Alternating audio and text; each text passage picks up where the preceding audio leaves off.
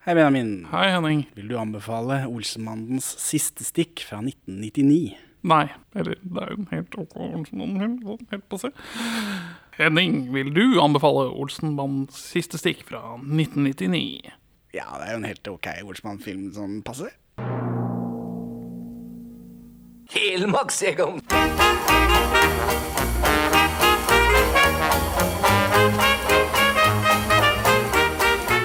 Perla for svin.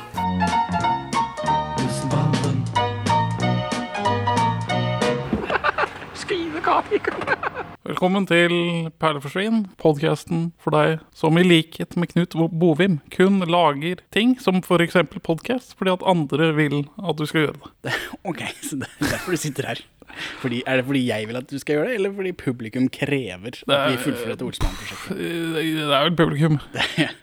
Vi er i hvert fall to middelmådige menn i 30-åra som ser norske filmperler, og nå er vi altså på Olsemannen norsk, Olsemann film nummer 14, Olsemannens siste stikk fra 1999. Den eneste Olsemann-filmen jeg har sett på kino. Med din far. Eh, Ja, dette var jo med min far. Jeg har Jeg er litt usikker på minnet, men det føles som om dette var i forbindelse med min bursdag, som jo er i januar. Denne filmen kommer i desember, tror jeg, uten at jeg er helt 100% sikker på det.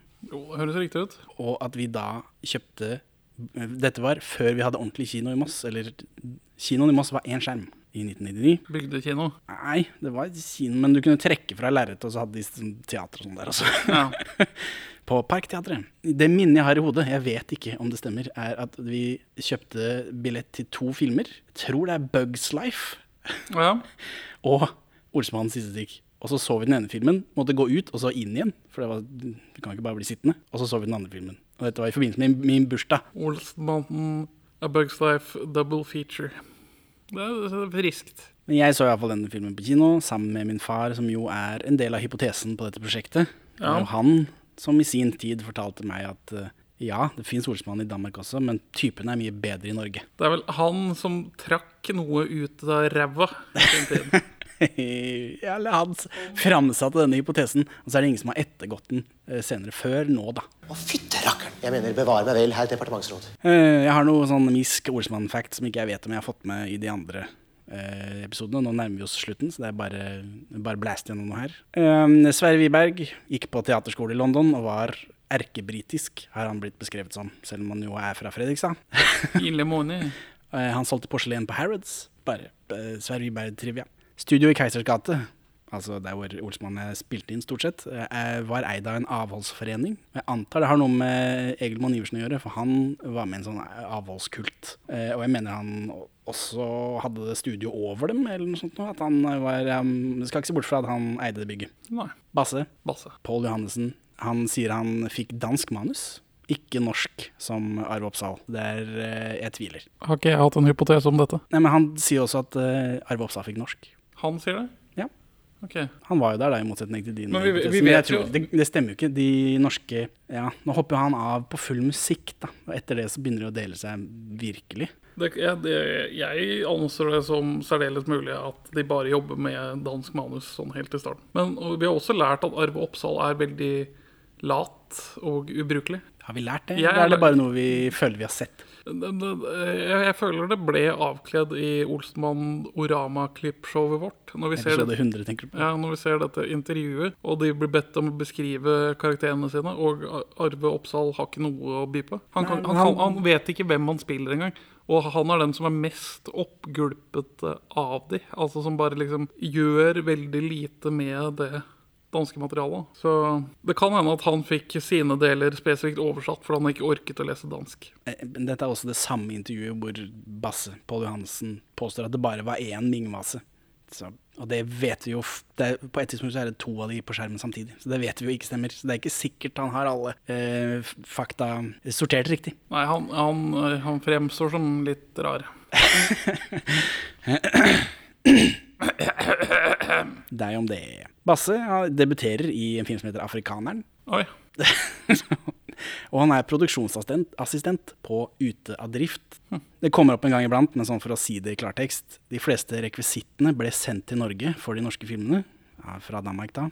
Eh, om ikke hele den norske gjengen dro til Danmark for å spille inn scener i de danske eh, kulissene. Og Team Film har hele tiden klippet film hos Nordisk Film i Danmark via Norena, som er et sånt eh, distribusjonsselskap, eh, som hadde rettighetene til Nordisk Film i hele Norge. Norena, altså. Ja. Den gangen. De hadde altså en fot innafor eh, før de begynte med Olsmannen. Fordi hele tiden så har de klippet i Danmark. Men Det er vel kanskje også forklaringen på hvordan Knut Bovim så fort får plukka opp dette Olsmann-konseptet. Altså Hvis de uansett sitter nede i Danmark og Ja, det er jo det, men jeg syns også det er Da har han Da har de hatt mer teft enn vi gir de kreditt for. Jeg får ikke vi snakker om det i første episode, jeg husker ikke akkurat tidslinja, men jeg tror det er åtte måneder eller noe sånt nå mellom eh, den danske blir utgitt og den norske blir utgitt. Det er det, det du sier i den episoden, ja. og det gir jo det gir ikke mening for Hvis jeg hadde skulle lage film but, eh, Hvis jeg skulle tatt en dansk film og lagd den til norsk, så ville jeg først sett at den danske var en suksess. Ja, men- og da må det jo gå en måned eller to. Ja, men altså, de Bas og Balling driver jo og lager andre typer humorfilmer i litt samme konsept, som Ja, det- går ganske bra. Og de går også ganske greit i Norge òg, virker det som. Så han vet at han, han, de har meritter på å lage denne her typen folkelige komedier. Ja, eh, men det, det- er, det er eh, mer risiko enn jeg ville tatt, men jeg er også en pyse. Justisministeren, han vil Hun. Hva? Hun. Det er en hund nå. Hva er det for en hund de snakker om? Justisministeren. Ja, selvsagt. En del av Olsmann-mytologien er jo at Knut Bovim måtte pantsette huset for å lage hver eneste Olsmann-film, og det finner vel ikke du noe belegg for? Nei. Og jeg har ikke jeg- gravd på nytt, men forrige gang lette jeg overalt. Og det, også, også, men uh, han har jo uh, s- Altså, Knut Bovim, løgneren. Showman, ville jeg sagt. Men ja. Ja. Jeg så så var det greia om at det skulle vært en konkurranse for å finne på helmaks. Ja, det også er noe vi ikke finner noe belegg for. Ja, Det kommer jo i en eller annen episode. Når er det, da? Knu, Kongen og knekten, eller noe sånt? Ja. Men, eh, men det vi faktisk vet da om eh, finansieringen, eh, er at han fikk støtte for film nummer én og for denne. ja. De tolv imellom Mulig han panset. Må, kan hende han måtte panset huset for det. Jeg vet ikke Eh, Jeg vet ikke hvordan filmfinansiering fungerer, men han fikk iallfall støtte for disse to. Så helt uten støtte har han ikke vært. Er denne filmen, siste stikk, er dette begynnelsen på Olsmannen fase to? Er dette begynnelsen på Når lager vi Olsmann-filmer som er reaksjoner på det vi tror er Olsmann-filmer? Det som vi jo har slitt med gjennom hele dette prosjektet, er at vi har et bilde av en Olsmann-film som ikke stemmer med de Olsmann-filmene som er- faktisk eksisterer. Ja, Olsmannen finnes kun i våre hjerter. Ja, fram til nå, for nå har det gått 15 år. Er det sånn nå Vet, vet ikke om de Dette her den er jo basert på en dansken, da. Men sånn Olsmann junior og sånt, jeg kan ikke se for meg at de har sett alle de Olsmann senior-filmene og så skrevet manus. Det føles som de har bare skrevet manus og tatt ting de har i sjela, i folkesjela, uten at vi har sett det ennå. Er, er, det, er dette fase to? Er dette nå begynnelsen på en slags reaksjon på fase én? Ja, men eh, Eller jeg vil, jeg vil si det er en fullbyrdelse på bruddet Altså når Olsenmannen og virkeligheten smelter sammen, som begynner i en av film åtte? Ni? Mester Hansen. Mester Hansen, Ja, ja, det er Mester. Hansen-filmen. Det er da eh, filmen baserer seg på hvordan virkeligheten har reagert på filmen istedenfor i liksom in universe-kontinuiteten. Den, den begynner å blandes der, og kommer til sin fullbyrdelse her. da Altså Hvor Olsmannen inntar virkeligheten istedenfor Olsmann-universet. Ja, du mener det? Ja. Ja, ja, ja det er om det. Skjønner det, det er enda en teori jeg har, da. Og så gjenstår det å se da om denne nye filmen er begynnelsen på fase tre. Eh, eh, nå tar vi Olsmannen gjør noe nytt, eller om det bare er enda mer fase to. enda mer reaksjon på de gamle. Ja, det blir jo spennende å se, da. Men øh, om Tror vi folket kommer til å favne bredt om den nye Olsenmann-filmen? Ja, altså Nå, For- på dette Altså her, i denne i 1999 Nå har det jo allerede vært barnefilmer en stund. Olsmannen. Ja. Og det er det ennå. Alt med Olsmann-branding kommer folk til å liksom møte opp for. ja. Bortsett fra Olsmann 13 av en eller annen grunn. det det er en eller annen parallell mellom hvordan Disney håndterer å eie Star Wars, som måten Olsmann rebootes på nå. Så dreff av at det er ramaskrik fra ende til annen blant den hardcore Olsenmann-fansen. I hvert fall de som stiller opp mannsterke på Facebook. Ja, men er det mulig min, sånn, min vanlige internettboble har mer innblanding av disse Star Wars-fansa. For jeg føler, de, jeg føler disse hylende Star Wars-fans-folka de sklir mer ut i virkeligheten. Mens disse hylende Olsmann-folka de er på de to Olsmann-forumene på Facebook. Føler jeg. Ja, men altså øh, Star Wars har jo truffet litt bredere enn Norsk Olsmann. Jo, jo, men jeg bare Jeg føler ikke at jeg møter disse beinharde, sinna Olsmann-fansa i hverdagen. Men ikke Mens jeg kan finne på å støtte på en sinna Star Wars-fyr. Gå ut og gjør det de må. I Guds navn og i Bondeviks. Eh, hvor mange så denne? 383 000. Til sammen 325 000. Så ikke så langt unna. Men denne filmen satte norgesrekord i åpningsweekend box office. Oi! 3,9 millioner med 81 000 besøkende første helga. Da. da slo de altså Flåklypa Grand Prix sin forrige rekord.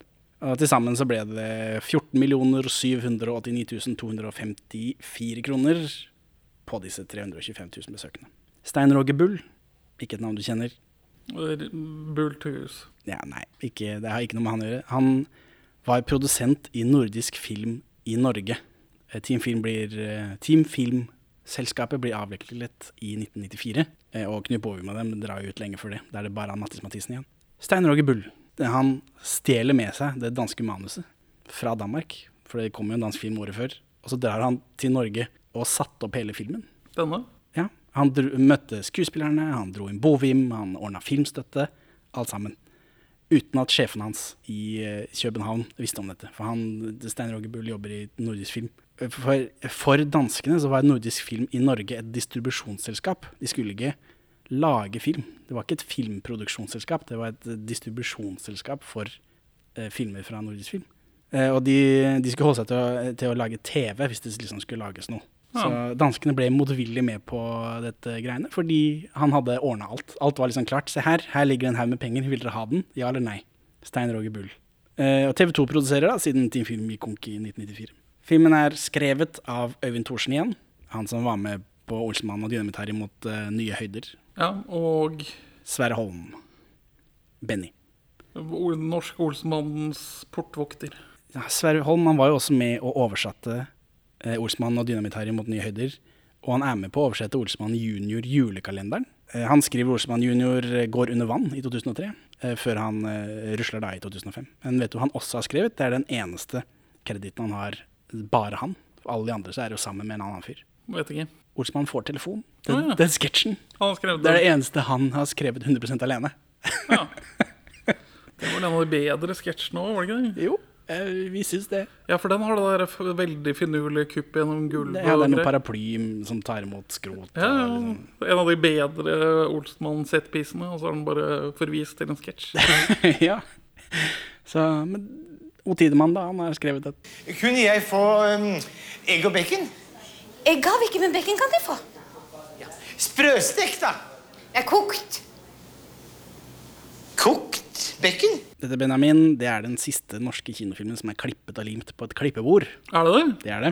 What? Datateknologien var jo allerede godt innarbeida. Man kunne liksom klippe digitalt. Men eh, Knut Bovim ville gjøre det på samme måte som de gamle filmene. Så det, de tar Det er noe eh, pride eh, det er, De har noe stolthet i yrket her. Ikke dra pride og gjøre dette politisk. Henrik. Stolthet var det jeg mente. Eh, I bakomfilmen til Mot i brøstet så sier Arve Oppsal at for hans vedkommende så er Egon Olsen død. Så han kom seg vel igjen, da. Dette er jo eh, på midten av 90-tallet. Når det gjelder Egon Olsen, så er jeg si at for mitt vedkommende er han død. Men Henry, han lever. Og fra boka om Aud Schønmann, som jo er full av faktafeil, som vi vet, så eh, står det Arve Oppsal eh, har vært morsom at, om at Olsenmannen skal samles igjen på et gamlehjem, samtidig som han forsikrer om at Egon Olsen er død for han. Olsenmannen lurer bestyrerinnen, frøken Ørn, selger et stort parti røkt kolje. Eh, Callback til den greia hvor de stjeler røkt kolje? Jeg vet ikke, jeg vet ikke hva det er. Det sto i den boka som jeg føler er feil. Eh, Det følte jeg var verdt å notere. Hvor gamle tror du disse folka er nå, i 1999? Uh, Arve Oppsal, 69. 78. Oi! Sverre Holm, 72. 68. Aud Schønemann, 73. 77. Eh, Harald Heidesteen, 72. han er 60. Han er 60! ja. Eh, Shit. Og bare sånn, her vi sitter nå, så er det et par dager siden Tom Cruise ble 60. Bare for å sette opp noen kontraster. Ja. Eh, Arve Oppsal, 78 år, eh, når han blir hauka inn. Når Knut Bovim besøker han for å si 'vil du være med på Olsmannen', eller om det var Stein Roger Bull som gjorde det, det Knut Bovim er iallfall det det sies, så ligger, eh, ligger han på Diakonhjemmet, som jo er et sånt sykehusopplegg Ja. for gamlinger. Eh, han sier ja til å være med på filmen om legen sier ja. Og legen sier ja mot han kommer tilbake til, til Diakonhjemmet hver kveld etter opptak. Og Arve er ekstremt dårlig i beina, og dagen etter siste opptak så tar de beina hans. Oi. For han har jo diabetes og greier og må amputere benet. Så vi tenker vel på dette i tusenårsfesten, så da, det er før dette. Så da har han ben. Ja.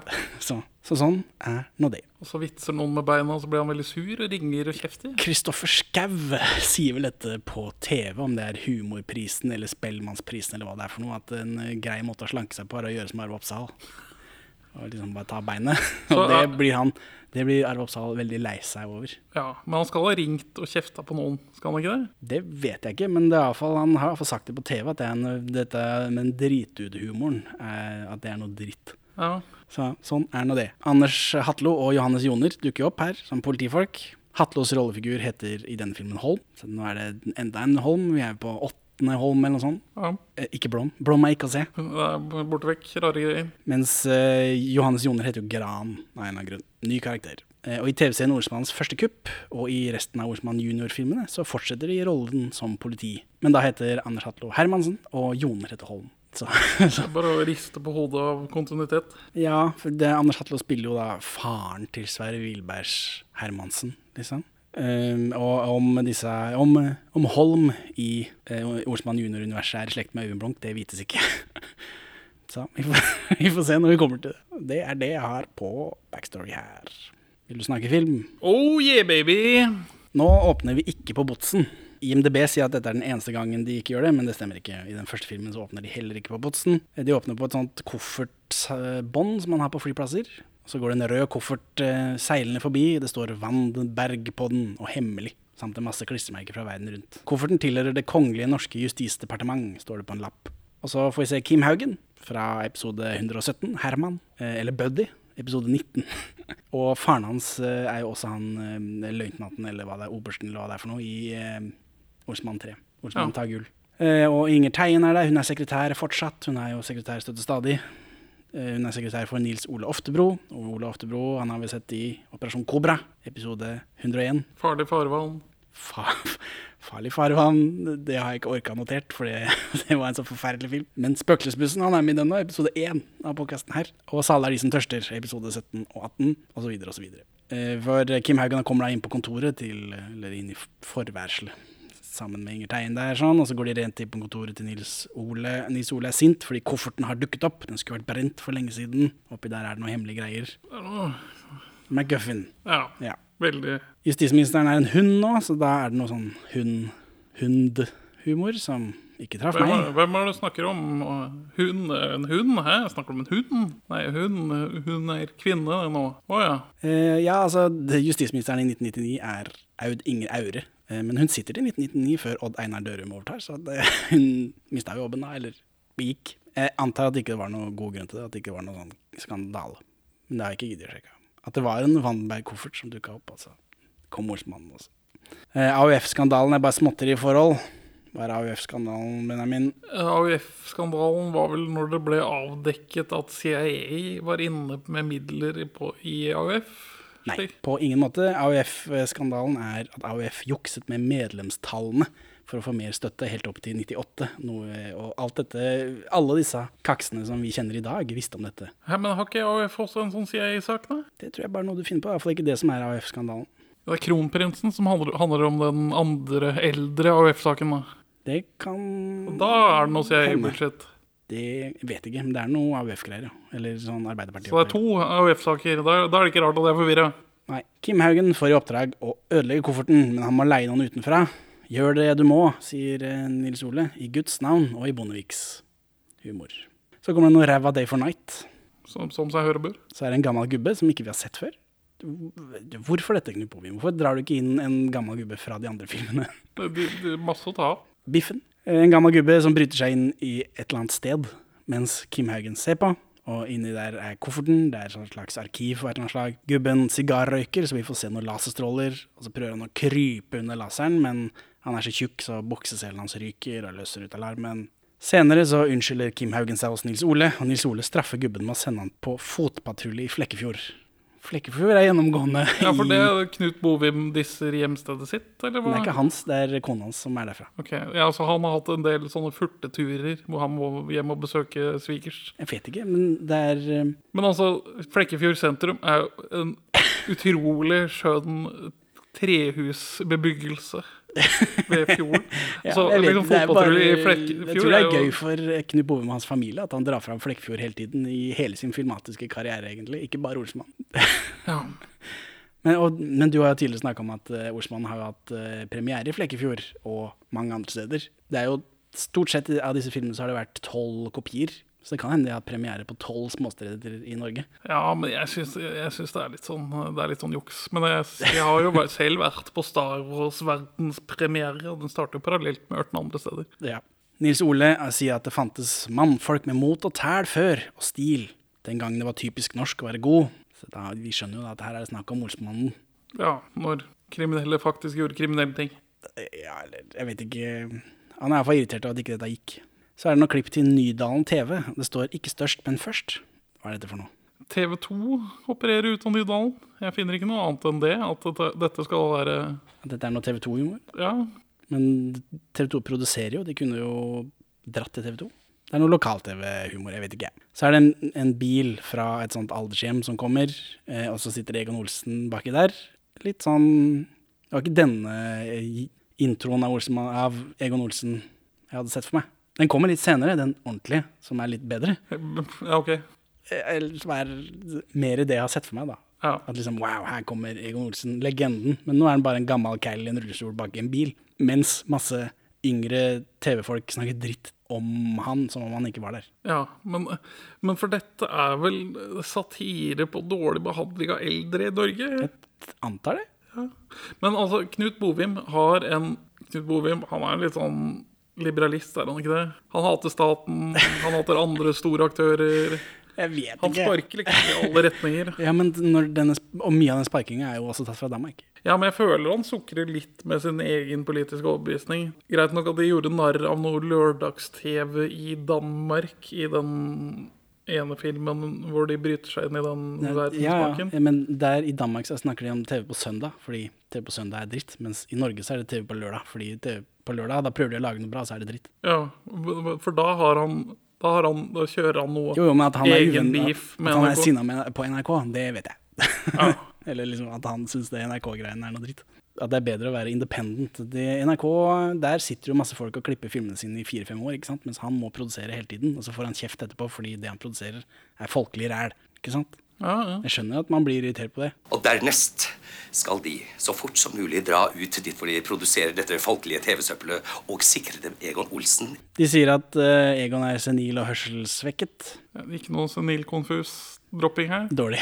Men det er jo da et dansk begrep som bare har blitt med det norske ja. De kunne tatt det med det manuset her også, bare fordi de har brukt det før. Enig. Men, men. Eh, og så klipper vi plutselig til eh, vi er hjemme på Kampen hos Valborg. Så er det masse kjekke bilder av Basse. eh, og det et maleriet av Basse har jeg så lyst på. Pål Johansen har det hjemme. Han har det. Ja. Og her ja, Basse dukker opp i siste scenen. Og jeg kunne, som barn kunne ikke koble at dette var det barnet jeg hadde sett før. For han er jo det, Her er jo han eh, Han er jo en flott mann, plutselig. Det er håp for alle. Det er, Ja. For han har jo et helt utrolig merkelig utseende som barn, og her nå er han plutselig bare en sånn kjekkas. Nei, jeg syns han var overraskende lik seg sjøl. Ja, ja, nå, i voksen alder, så ser jeg at dette er jo han, men han er jo eh, kjekk. Det er det, han er ikke den eh, Ivo Caprino-figuren jeg har sett for meg at det barnet skulle bli, Nei. på en måte. Enig? Uenig? Ja, jeg Jeg syns han er veldig Han er pulbar, liksom. Ja, Det hadde jeg ikke sett for meg. Jeg vil ligge med, ligge med Basse. Du vil det, ja. ja, ja. ja eh, kjekk fyr. Eh, så er det et av Kjell, da, og så sitter Valborg og chiller bare. Det, er et, eh, det er en still av Kjell. Ja, det er det. Det er et pressefoto av karakteren Kjell. ja, men det er jo Hvis man først har tatt et bra bilde, så bruker man det, ikke sant. Her skulle de hatt de der badebildene av Kjell. Altså For å liksom holde det inn i Ja, ja, Universe, ja. så skulle det vært et dårlig badebilde av Kjell. Selvfølgelig, med den badeballen. Ja, det er tydelig at vi skulle lagd den filmen her. Det er korrekt. Så er vi på sykehjem. Eh, Anne Marit Jacobsen er en sånn sykesøster, og hun deler ut politisk snert til de folka som sitter her og er gamle. Og så Harald Heidesteen jumper eh, opp til henne og, og dytter ansiktet sitt i puppene hennes. Og eh, Dette er klassisk norsk revyhumor, er det ikke det? jo, men Se litt nærmere. Se litt nærmere. Der, ja. Men Anne Marit Jacobsen og Harald Heidesteen jr. er jo søskenbarn. På ordentlig. ja. Så De mm, kan gifte seg. Da kan man det sant. presse nesa i brystet. Så men han er sulten eller noe sånt. Han, han, men så sier han kan ikke få noe mat og noen greier. Du kan få bacon. Ja, stekt bacon er godt. Nei, du kan få kokt. Så det er, det er noe Det er- behandling av gamlinger. Dårlig sykehusmat. Det er en pressesak like gammel som tiden. Ja, og Harald Heidsten syns det er litt rart å bli servert kokt bacon, men, eh, for det høres jo ganske rart ut. Så klipper vi til Bennys tut og kjør. Så er det to pakistanere som sitter og prater pakistansk i denne bil... Det er jo en sånn, Han driver en sånn taxitjeneste. Så dette er på pauserommet et eller annet slag. Ja, han, han driver en budbiltjeneste som også leverer taxitjenester svart. ja, ja. Enten noe sånt. En av disse pakistanerne er jo vår gode venn Dasrullah Qureshi. Ja. Eh, Han pø- pølsebodfyren i Elsk meg i morgen. Pakistans ansikt i Norge ganske lenge. Ja, han også, hun andre dama fra Uno, da, som ikke husker navnet på i farta. Bibi eller noe sånt. Ja. Ja, altså det, Men det, dette er jo en Syv søstre.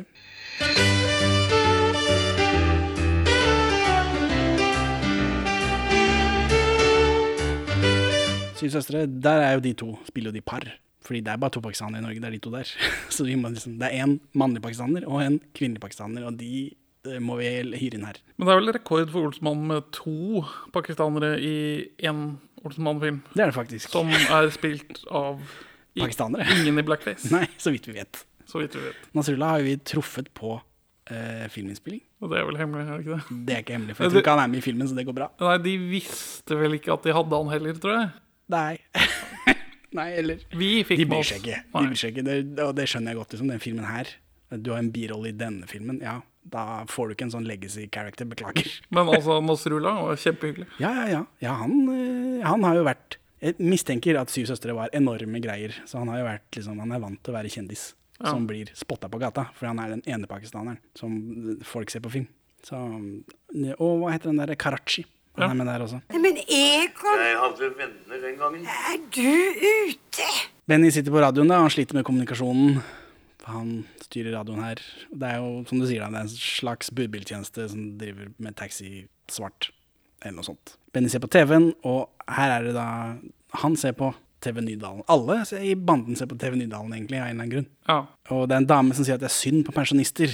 Og så spør hun Egon hvordan det føles å være gjemt bort og glemt av alle. Ja, for altså Brennpunkt er vel et sånn NRK-program hvor man driver med sånne avsløringer av hvor fælt det er å bo i Norge. Men jeg tror også TV 2 hadde sin Det er litt Sanna Saroma som er programleder her. Eh, Politisk nært fra podkasten. Men jeg tror, jeg tror TV 2 hadde en som var liksom enda mer populistisk og tilskrudd, som dette skal være en parodi på. Ikke peiling. TV 2 hjelper deg, driver jo stadig og Men det er liksom case by case basis. Det er jo ikke disse store eh, systematiske feilene som det jo prøver eh, Som det virker som de, prøver å avdekke her. Ja, men hun virker, måten hun spiller denne karakteren virker som en veldig konkret parodi på noe.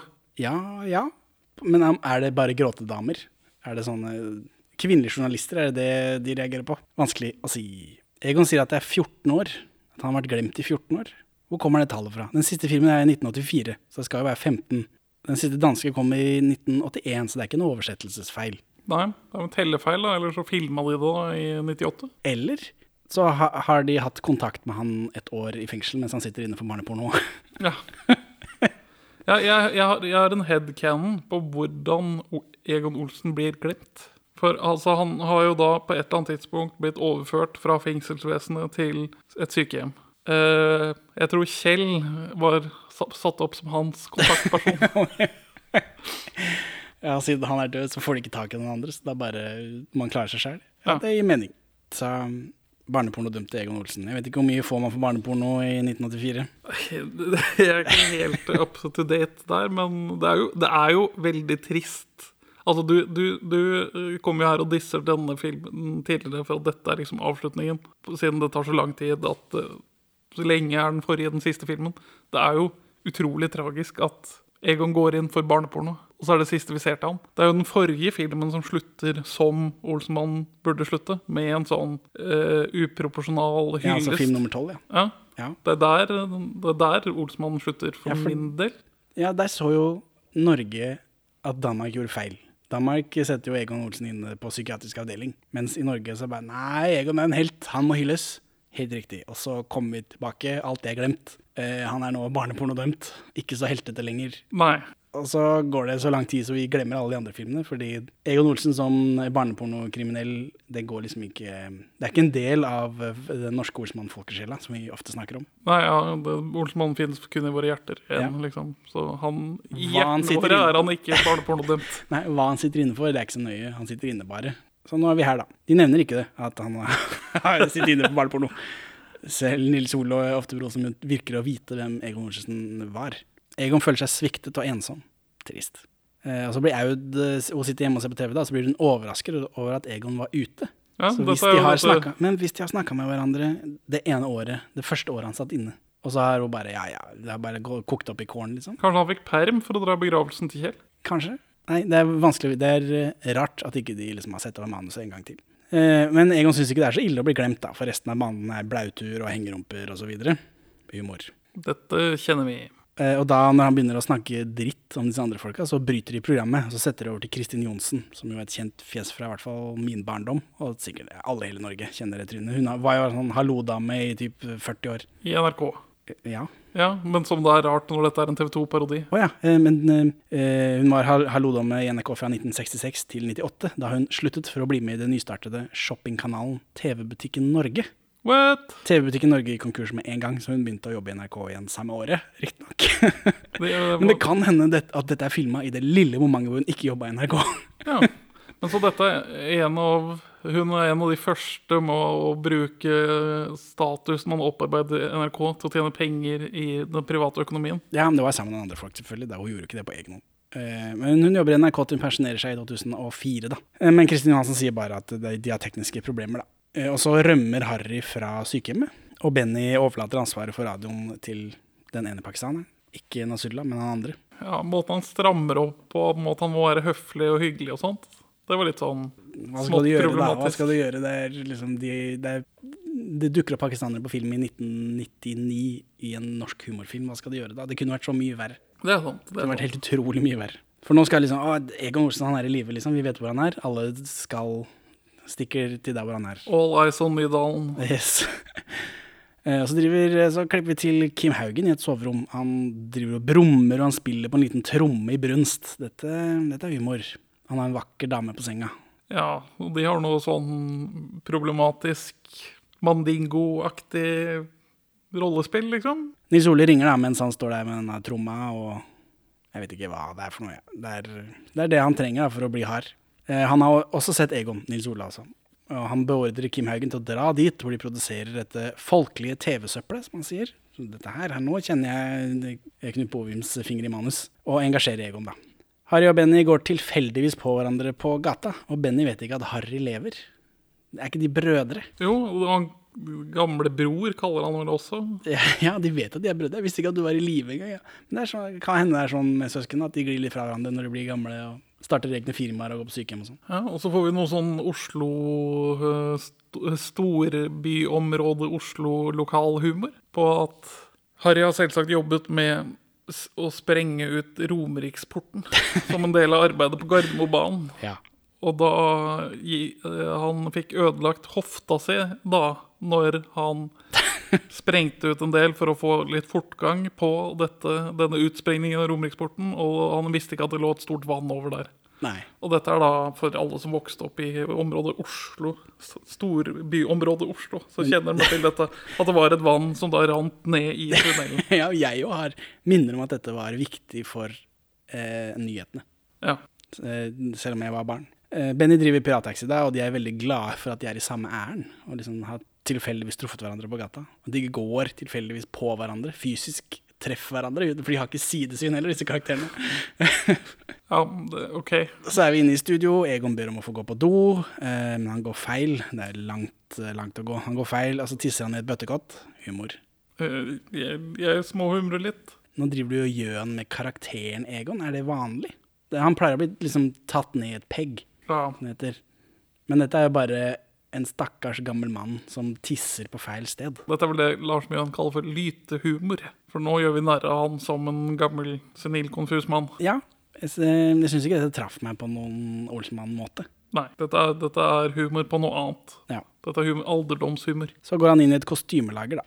Eh, Og der finner han dressen og hatten, og hatten lyser. Det er et veldig rotete bilde, så jeg så ikke hatten til å begynne med. Og den, Men den, den lyser jo veldig opp, da. jo, Altså, men den, i det første oversiktsbildet så har du liksom Dressen ligger henslengt, og så er det masse kostymer overalt. Eh, Dressen ligger midt i bildet, den kan jeg se. Og så på siden av den, et stykke opp, så er det en svart runding på veggen med lys under. Ja. Det viser seg å være hatten i et nærbilde, men det, så, jeg hadde ikke kjangs til å se det Ikke på nærbildet engang? Jo, på nærbildet så så jeg det selvfølgelig, men før det så syns jeg var dette for et rotete Ja, bilde. da, da er bildet komponert sånn at du kun legger merke til dressen. Jeg driver ikke og ser på alt det andre. Jeg er bare sånn Ah, der er dressen til Egon. Jo, men det er jo hatten, det er jo, hatten lyser som en glorie. Det burde jo vært viktigere enn selve den der dressen. Magisk realisme.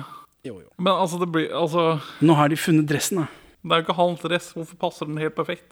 Magisk realisme. Det er ikke hans hatt heller. Hvorfor lyser den for ham? Ja, nei. Nei, det er fordi dette er en Olsmann-film, og det vet de som har laget filmen. The Return of Egon. Yes, Nå står gutta utenfor, Harry og Betty da, eh, og så kommer det flomlys ut av porten til TV-kanalen, og så kommer Egon gående ut, overraskende frisk frisk til beins, har jeg skrevet. Ja. For han går helt eh, sånn passe normalt, eh, i dress. Eh, dette er den introen jeg hadde sett for meg at vi skulle få av Egon Olsen. Og så sier Harry Dra meg i farten, Harry! Egon er oppstanden!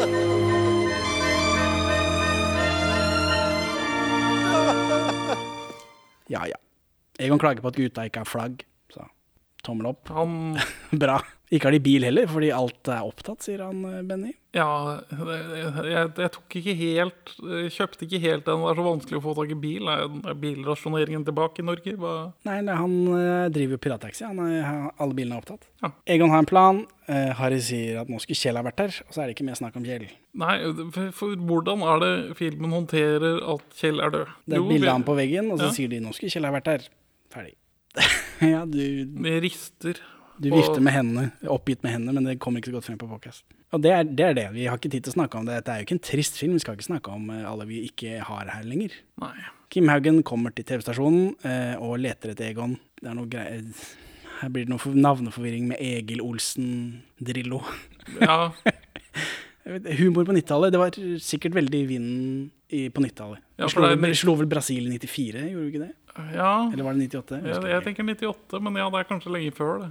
Ja, det kan hende det var 98, jeg vet ikke. Men Men, det er i hvert fall, dette er veldig i vinden, da. Ja. Egil Olsen. Det er det jo nå også, av en eller annen mystisk grunn. Så er han fortsatt i vinden. Drillo-isen er tilbake. jeg vet ikke. Så vi er også, podcasten også er på ballen her. på ballen. Egil Drillo Olsen, Ja. fotball osv. Så, videre. så er banden hjemme hos Valborg plutselig. De bare møter opp der, antar jeg. De har ikke noe annet sted å være. Vi, Verken Egon eller Benny har jo hjem. Harry pleier jo å ha hjem, men nå er han på sykehjem. Så Ja, han, så han har jo hjem. ja, Harry bodde jo eh, tidligere ved tollboden der. Ja. Så han har vel solgt den og blitt millionær, antar jeg, den tomta der. Uh, det, de er hjemme hos Valborg, ja. De snakker om Basse. Veldig hyggelig. Basse ville bli lege, men de hadde jo ikke piano hjemme. Det skjønte jeg ikke. Det er vel Det er, det er, Er det noen klassegreier? Det er noen klassegreier. Ja. Man må ha en viss status, liksom. Du får jo piano gratis på Finn hvis du bare kan hente. Så Ja. jeg vet ikke. Det var ikke sånn i gamle dager. Jeg vet ikke. Eh, men så dro han til utlandet, og så driver han med diamanter eller noe. Ja, Sist han var i London, så fikk Valborg julekort fra Dartmouth prison. ja så det går, står veldig bra til med han. Ja. Det er da et kjent engelsk fengsel. ja. Så han driver med diamanter og har kommet i fengsel da. I, sist gang i London, tydeligvis. Men vi får jo se han senere, så han er ikke fengsel akkurat nå. Og så kommer Valborg med en sigar eh, som hun har hatt helt siden det første bryllupet til Basse, så vi får jo da vite at han er skilt og har gifta seg flere ganger, tydeligvis. For full musikk eh, var jo 1976, så den sigaren er jo 24 år gammel da. Den ser gammel og tørr ut. Eh, Aud har ikke dårlig råd, for hun har fortsatt tomflasker i huset. Morsomt. Aud Schønman er skarp her. syns jeg. Ja, hun, hun vet hvem karakteren sin er. Jeg vet ikke, for jeg syns Harald Hedsten og Aud Schønmann de er liksom med hele veien. Og så syns jeg det tar litt tid før Arve, spesielt Arve Oppsal, som jo er sliten, eh, og Sverre Holm liksom får varma seg opp til dette med å skuespille hver dag, Ja, syns jeg. Nå vet Jeg ikke om jeg antar den ikke er spilt inn i kronologisk rekkefølge, men det føles litt sånn. For sånn på begynnelsen så syns jeg de var veldig slappe og rare. ja det jeg, det, det, jeg tipper den er ganske kronologisk spilt inn. Kan hende. Det er ikke noen grunn til å ikke gjøre det, men samtidig, jeg kan ikke lage film. Men hva faen? Hakke meg ikke til å å hjelpe til noe. Valborg får ærespensjon fra bryggeri, Bryggeriforeningen. Er dette callback til den gangen Kjell jobba litt grann i bryggeri, eller er det ærespensjon fordi han drakk så mye? Det, det er jaggu faktisk ikke godt å si. Ja, du, du, det er et veldig godt poeng, men jeg mistenker jo at han har falt tilbake i bryggeriyrket før. Det kan hende, men det blir jo ikke nevnt. Nei. Det føles som dette er en vits på at han drakk så mye. Ja, det, det kan det Men så har han også jobbet for Ringnes. Men han har vel drukket mer enn han har jobbet for Ringnes. Det har han, for det det var jo ikke lange stunder han jobba der. Så, men det blir sagt da, i hvert fall. Planen er fra 1984, men det gjør ikke noe, sier Egon. Skeptisk, Det var kjenner jeg. sist gang de hadde film. Eh, Egon vet om en Frans Jæger. Et konsulentfirma som bruker kontanter til bestikkelser. Eh, Og så er det, det er jo statens penger, da. Ja, fordi de, de holder på i den tredje verden med noen prosjekter og sånt. Ja, og da besøker de i cash. Dette føles som en referanse til virkeligheten. Men sånn skjer jo hele tiden. Det kan jo være når som helst. Jeg tror ikke det er referanse til noe spesifikt. Bare at det er sånn de gjør. Det er statens penger, og staten, det er oss. Da er det jo gratis penger. Det er jo ikke ulovlig engang. Jeg føler jeg har fått det sitatet servert av gamliser et par ganger i livet. Kan hende. Frans Jæger er et fiktivt safe-selskap. Men hvem var Frans Jæger, tror du? Ideen til navnet kom da Bas og Balling spilte inn filmen In Love i København fra 1960. Filmen, som var en tysk samproduksjon, hadde en stillfotograf eh, som het Frans Jæger. Og navnet er nå registrert av et ekte dansk selskap, så, den varemerket var for god til å bare bli liggende. I november 2004 kjøpte Hans Buch sikkerhetsselskapet Diplomat Safe. Dermed ble en produksjon av Frans Jæger-merket lansert, og Frans Jæger-navnet er registrert hos både Patent- og varemerkekontoret og Kontoret for harmonisering i det indre marked. Varemerker og design og sånn. Slik at varemerkingen nå gjelder i hele EU. Og siden 2014 så har Herning Pengeselskapsfabrikk produsert safer med navnet Frans Jæger. Så da vet du det om Frans Jæger. Dustemikler, sosialister, slaskefanter og blautfiskere. Så er vi på politihuset. Kim Haugen besøker Anders Hatlo. Kjent fra Spøkelsesbussen episode 1, Nitimen-mordet episode 104, 105. Eh, Hatlo har tweed. Så dette er politifolk i tweed. Det bæ- bærer vi videre. Ja. Kim blir nervøs eh, da Hatlo allerede vet om Wandelberg-mappen. Men det kommer ikke noe ut av det. Nei. Fordi det, disse politifolka får jo ikke noe sånn kjempe De får jo ikke noe innblikk i hva de tenker å gjøre og sånt noe. Vi tilbringer ikke så mye tid med de, og det tror jeg er like greit, for vi hadde bare blitt mer tid på kontoret, hvor Ja. de snakker om politikere vet best, og vi kan ikke la det gå utover publikum. Jeg tror det bare har blitt akkurat det samme. Så de skjønner her at det, det trenger vi ikke faktisk, for det har vi fått med oss. Ja, det er nok av det nå. Ja, for her får vi en liten sånn Ja, ja, Wandmappen, ja, det er jo veldig viktige greier. Det er klart at det må vi liksom fjerne. Og det er det vi får, liksom, og det er helt ålreit. Eh, Hatlo liker Egon, da, for han drev med ulovlige ting. Ikke sånn hvitsnippgreier som alle driver med nå, eh, og som de aldri får løst. Så det er politisk nært, da. Og så eh, skal planen settes i gang med banden. Egon spør Benny om han har den metalldingsen sin. Benny drar den frem, og så en pistol. Taxisjåførens bestevenn, sier han. Ja. Og så viser det at det er en vannpistol, men han skyter Egon i ansiktet med den. ja, det er uhøflig. Uten at Egon liksom vet at det er en vannpistol først. Eh, Og så blir ikke Egon forbanna. Han sier bare helmaks. Nei, jeg hadde blitt kjempeforbanna Ja, om noen spruter meg i ansiktet med vann ut av det blå. ja, men i tillegg når du tror at du skal bli skutt i ansiktet med kule, med bly, og så viser det at det er vann. Det myker jo kanskje litt, men du blir jo fortsatt våt i trynet. Men jeg, han syns det er helt greit. Det er ute av karakter. Nå har han vært Han er jo senil, da, og eh, har tydeligvis Han er gammel og senil. Er, kanskje han har hatt karakterutvikling på de 14 årene som ikke vi har sett. 15 årene som ikke vi har sett. Lite trolig. Litt trolig. Jeg tror det bare problemet er at uh, Arve Oppsal ikke vet hvem Egon er. Jeg tror det står i manuset. At det ikke han skal kline til Benny. Du kunne jo sagt at din jævla hev- hengerumpe eller et eller annet sånt. Nei, han sier bare helmaks. Ræva. Ja, men det er, ikke det er jo ikke Arve Oppsal som skriver manus. Nei, nei, men da man har lov til å tilføre manus noe som skuespiller. Han er 78 år, det skjønner jeg at ikke han gjør. Han har ikke gjort det før heller. Det er jo rart om han skal begynne med det nå. Det er sant. Men, ja. Eh, Anders Hatlo spiller Holm da. Johannes Joner setter seg i stolen hans inn på politikontoret der og leker viktig. Han spiller Gran. Gran vil arrestere Bang-Johansen, men han er for stor, så det går ikke. Bang-Johansen er jo han da som driver dette firmaet med svarte penger osv. Med bestikkelser. Så store folk får, de, får ikke straff, de får staff. Så Erling Staff-humor. Morsomt. For alle som er gamle nok til å ta vitsen. ja, det er ikke så lenge siden han var i sist. Det klart det er bra ti år siden han døde, da, men han Ja. holdt jo på helt til liksom, han kreperte i advokatstolen. Ja. Var ikke han pro at gamle menn skal ligge med unge menn? Jo. Så sånn er nå det. Og så er det en Lillebabs-vits her. Og det fikk jeg ikke med meg. Kona hans ringte fra London. Hun har oppdaget at han står i med en svensk popsangerinne på 19 år. Ja, det må være Lillebabs, det, da. Lillebabs 19. 19? Å, unnskyld, jeg syns de sa 90. Ja. Ja. Det var ikke morsommere enn det. Nei, nei. Så setter banen i gang. Ulf Wengård spiller vaktmann. Hyggelig å se. hyggelig å se. Gran venter på Bang-Johansen. Eh, han er spilt av Havard Flatland denne gangen. Ja. Kjent fra TV3. Ja, Han er vel mest kjent fra Casino på TV3, men så eh, Tause Birgitte. Ja, Tause Birgitte. Og så blir folk alltid overrasket over at han lever, for han eh, lå jo i koma i tre måneder i 2013 og var liksom døende.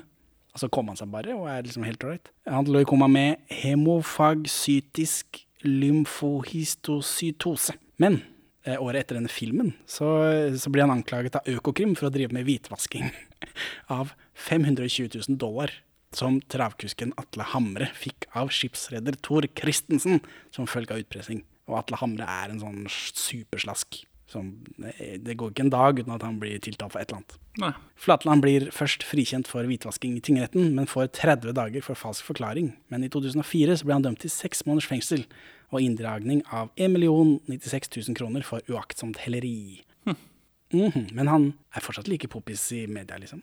Han er mye se og hør riktignok, men det Casino også har jo sånn stadig så får de sånn Ja, kom tilbake for liksom fem episoder fordi det er 25-årsjubileum til Ja, det var, det, det var en sånn re liten reboot. Uh, det var to.